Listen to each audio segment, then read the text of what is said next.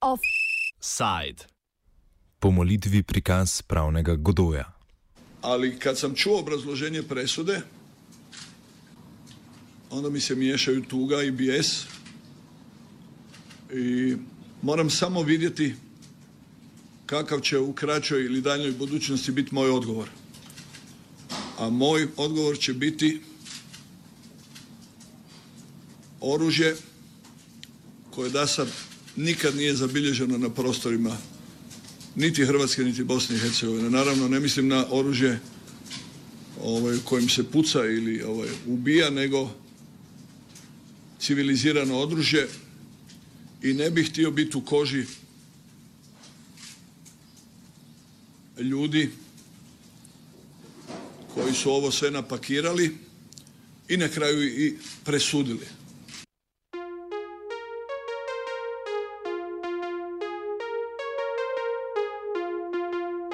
Afera Godo so hrvaški mediji poimenovali proces proti zdravku Mamiču in so obtoženim, ki se je začel s poletnimi aretacijami leta 2015, danes pa je na županijskem sodišču v Osijeku dobil prvi, a ne tudi končni epilog. Do nedavni izvršni podpredsednik Zagrebskega nogometnega kluba Dinamo in bivši podpredsednik Hrvaške nogometne zveze, krajše HNS, je bil skupaj z bratom Zoranom in izvršnim direktorjem HNS Damirjem Vrbanovičem na Osiješkem sodišču obsojen zaradi oškodovanja Dinama, skupaj s podjetnikom Miranom Pernarjem pa tudi utaje davka. Obsojeni so Dinamo oškodovali za dobrih 15 milijonov evrov, za kar so si prislužili večletne zaporne kazni. Zdravko Mamič, ki se je na odločitev sodišča odzval z v uvodu slišenimi besedami, bo, če bo sodba pravnomočna, za zapahi preživel 6 let in pol, njegov brat Zoran 4 leta in 11 mesecev, Damir Vrbanovič pa 3 leta.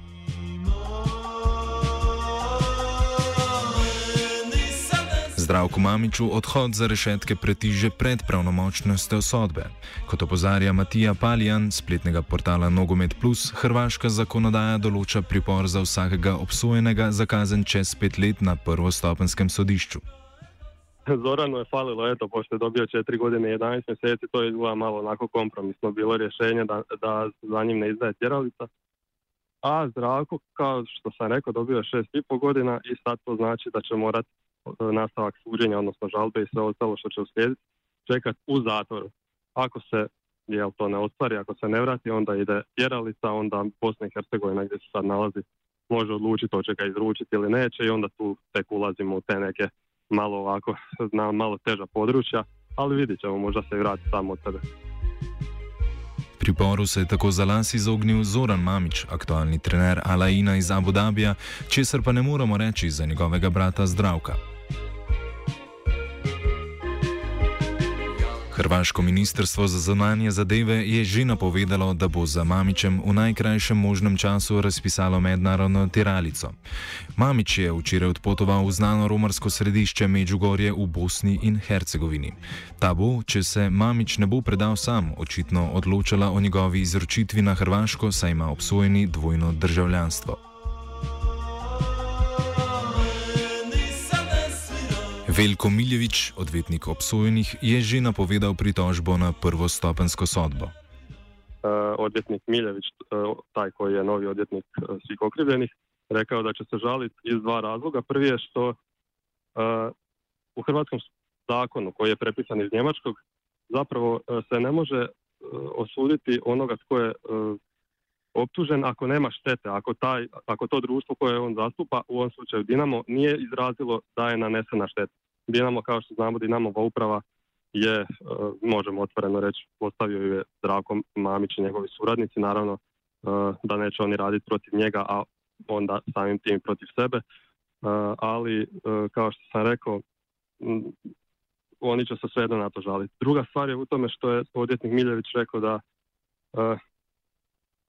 gospoda iz Uskoka nisu dovoljno kvalificirana, odnosno da nisu imali pravnu e, osnovu za, provo, za pro, provoditi to e, suđenje i da će se iz ta dva razloga žaliti. Miljevič je bil tudi edini iz obrambe prisoten na razglasitvi sodbe in konca procesa, ki je bil sicer zaznamovan številnimi verbalnimi izpadi zdravka Mamiča. Pa kažete, koliko god hočete, mora se voditi proces kako je.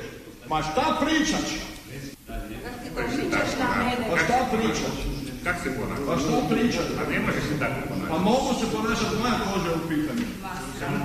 Okupite se, ne trebate me ni braniti, da. Jeste sad sretni koliko manipulirate svi svjedoka. Hoćete krvi moje, hoćete džigarice moje.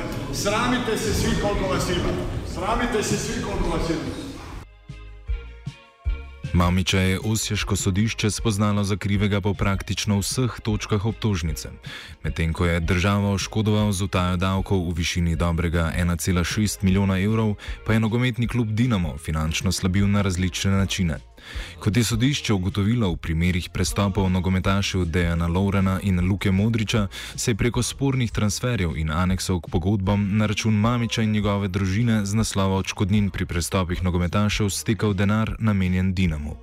V primeru prestopov omenjenih hrvaških reprezentantov je bil zagrebski klub po mnenju sodišča oškodovan za dobrih 15,5 milijonov evrov. Ob spornih aneksih pa je Zdravko Mamič poznal tudi druge sporne načine, kako obogatiti na račun nogometa. Aleksandra Holiga, urednik portala Telesport. Ono što Zdravko Mamić radi, on bi potpisao ugovore, takozvane građanske ugovore sa mladim igračima, po kojima bi obavezao da, da dijele dio svojih primanja sa njim kasnije kada postanu profesionalni i kad zarade puno novaca. Iz početka je to išlo tako da su oni njemu isplaćivali novac cijelo, cijele svoje karijere, dokle god su igrali profesionalno. Takav je slučaj recimo bio sa Eduardom da Silvom i on išao na sud s Mamićem nekoliko instanci se mijenjala ta presuda je li dužan isplaćivati ili nije. Kasnije je našao zapravo Mamić jedan novi model, a to je da, da se on naplati kod transfera igrača iz Dinama u strane klubove. Pa je tako onda sa igračima kao istovremeno, znači imao s njima građanske ugovore da, da uzima dio njihovog novca, a sa, istovremeno je bio jedan od direktora u Dinamu, odnosno izvršni podpredsjednik, tada kasnije izvršni predsjednik, koji je sastavljao ugovore sa tim igračima i stavljao u njih klauzule da, da određeni postotak novca od transfera ide samim igračima i to velik postotak novca, oko 50% u ovim slučajevima. Međutim, i to nije bilo sve, nego je zapravo u slučaju Modrića i Lovrena te klauzule ugovor, znači te anekse ugovor su potpisali tek nakon što su igrači prodali, prodani i uh, to je funkcioniralo tako, znači da Dinamo dobije novac od Totema ili od Leona kad su prodavali igrače i onda pola tog novca proslijedi Modriću, odnosno Lovrenu, a onda oni vrate većinu tog novca Mamiću i njegove obitelji. Tako je to funkcioniralo.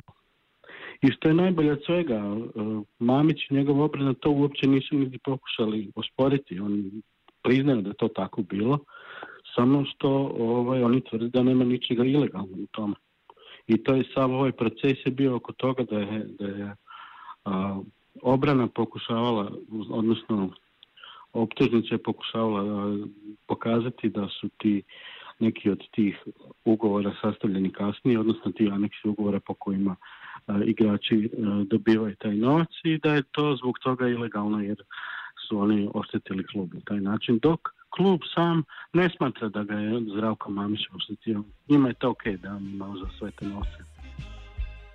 Hrvaška reprezentanca, ki se v teh dneh pripravlja na, svedo, na svetovno prvenstvo v Rusiji, sta bila ključni priči v sojenju Mamiču in so obtoženim. Čeprav sta v času preiskave Mamiča obremenila, pa se na sodišču podpisovanja pogodb z Dinamom in aneksov k pogodbam nenadoma nista spomnila. Ne mogu se sjetiti. Pa ne mogu se sad točno sjetiti. Ne mogu sad točno reći brojku. E, pa ne mogu se sjetiti, ali kažem vam. Bilo je davno. Modrič je v trenutkih močne skleroze uspel povedati, da je aneks o delitvi odškodnine ob njegovem prestopu v tujino v razmerju 50-50 podpisal vsakič, ko je podaljšal pogodbo z Dinamom, kar pa po mnenju hrvaškega toživstva ne ustreza resnici. Fiktivni aneksi naj bi bili podpisani že po prestopu nogometašev Zvezdnika Reala, pa so zato uvadili zaradi krivega pričanja. Nekaj podobnega po mnenju Holige čaka tudi Laurena. Modrić je već optužen za, za krivo svjedočenje na sudu, za krivo kletstvo i njemu će biti suđeno za to.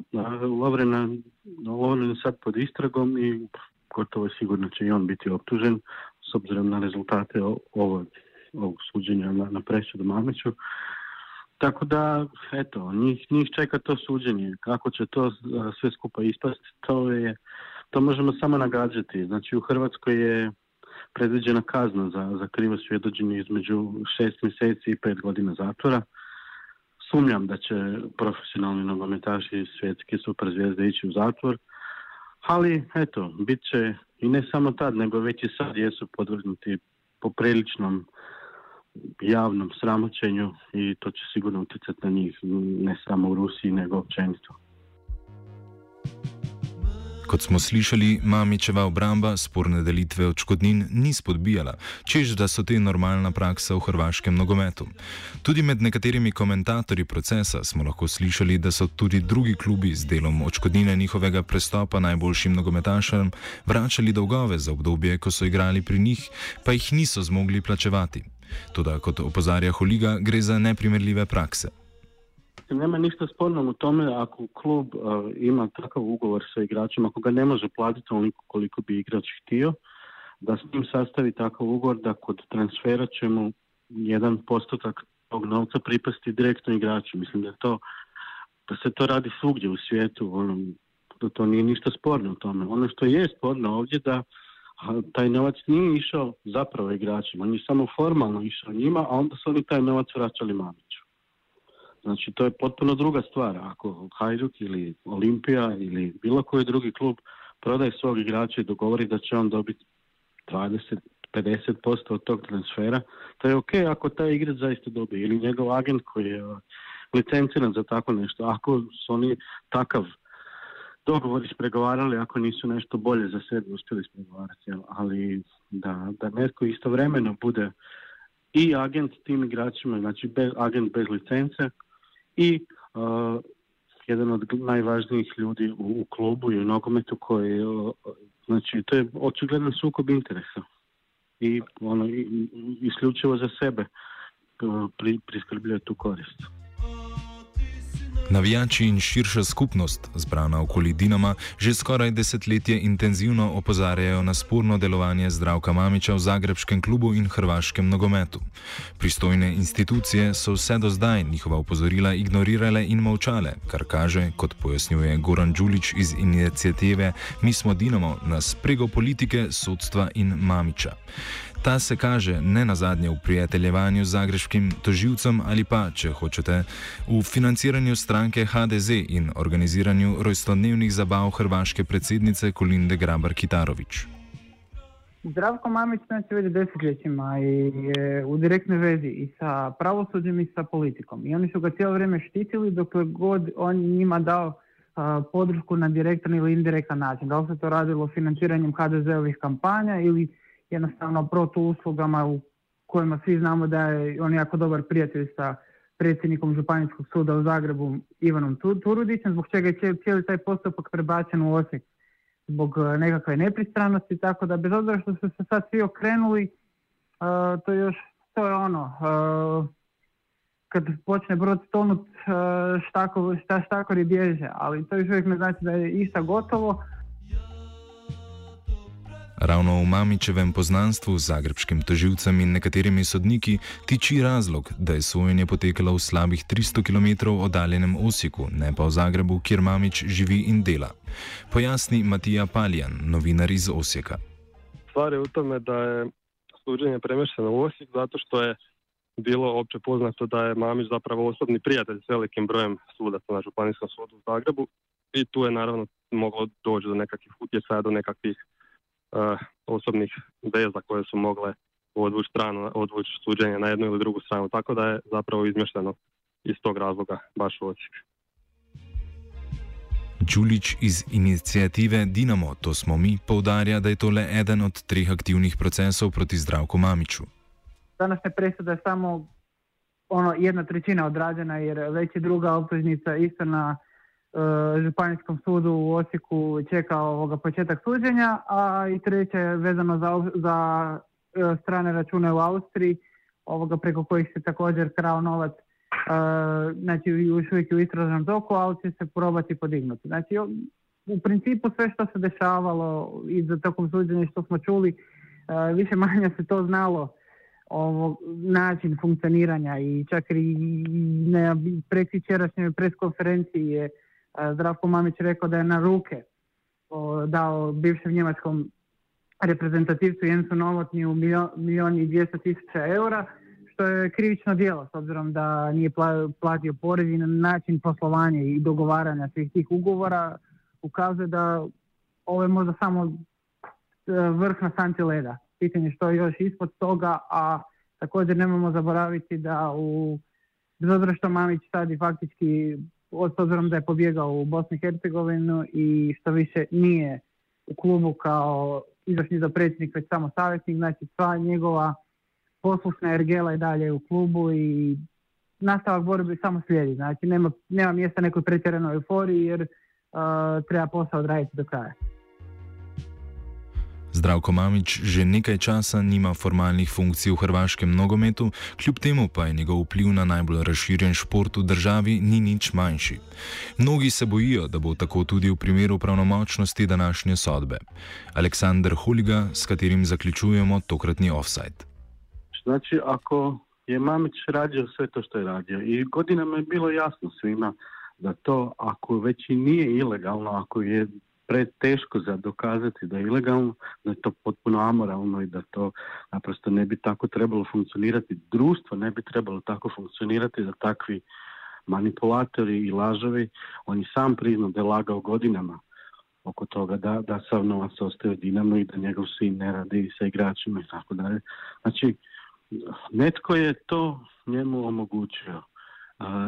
Svo društvo je zapravo krivo. Znači, postoje postoje strukture društva u ovoj zemlji koji dopuštaju manipulatorima, kriminalcima kao što je Zdravko Mamić da rade što hoće. Zakoni koji postoje im to omogućuju. To je problem. Nije problem jedan Zdravko Mamić i sad će on otići u zatvor i to je to. sigurno je da, da će se presuda njemu na neki način odraziti, ja se nadam pozitivno, na stanje stvari u hrvatskom nogometu, da, da ćemo gledati možda to malo drugačijim očima i da će se postaviti neki bolji običaj za buduće. Aneks k današnjemu offsajdu sta z maminjom podpisala Anton in Marcin.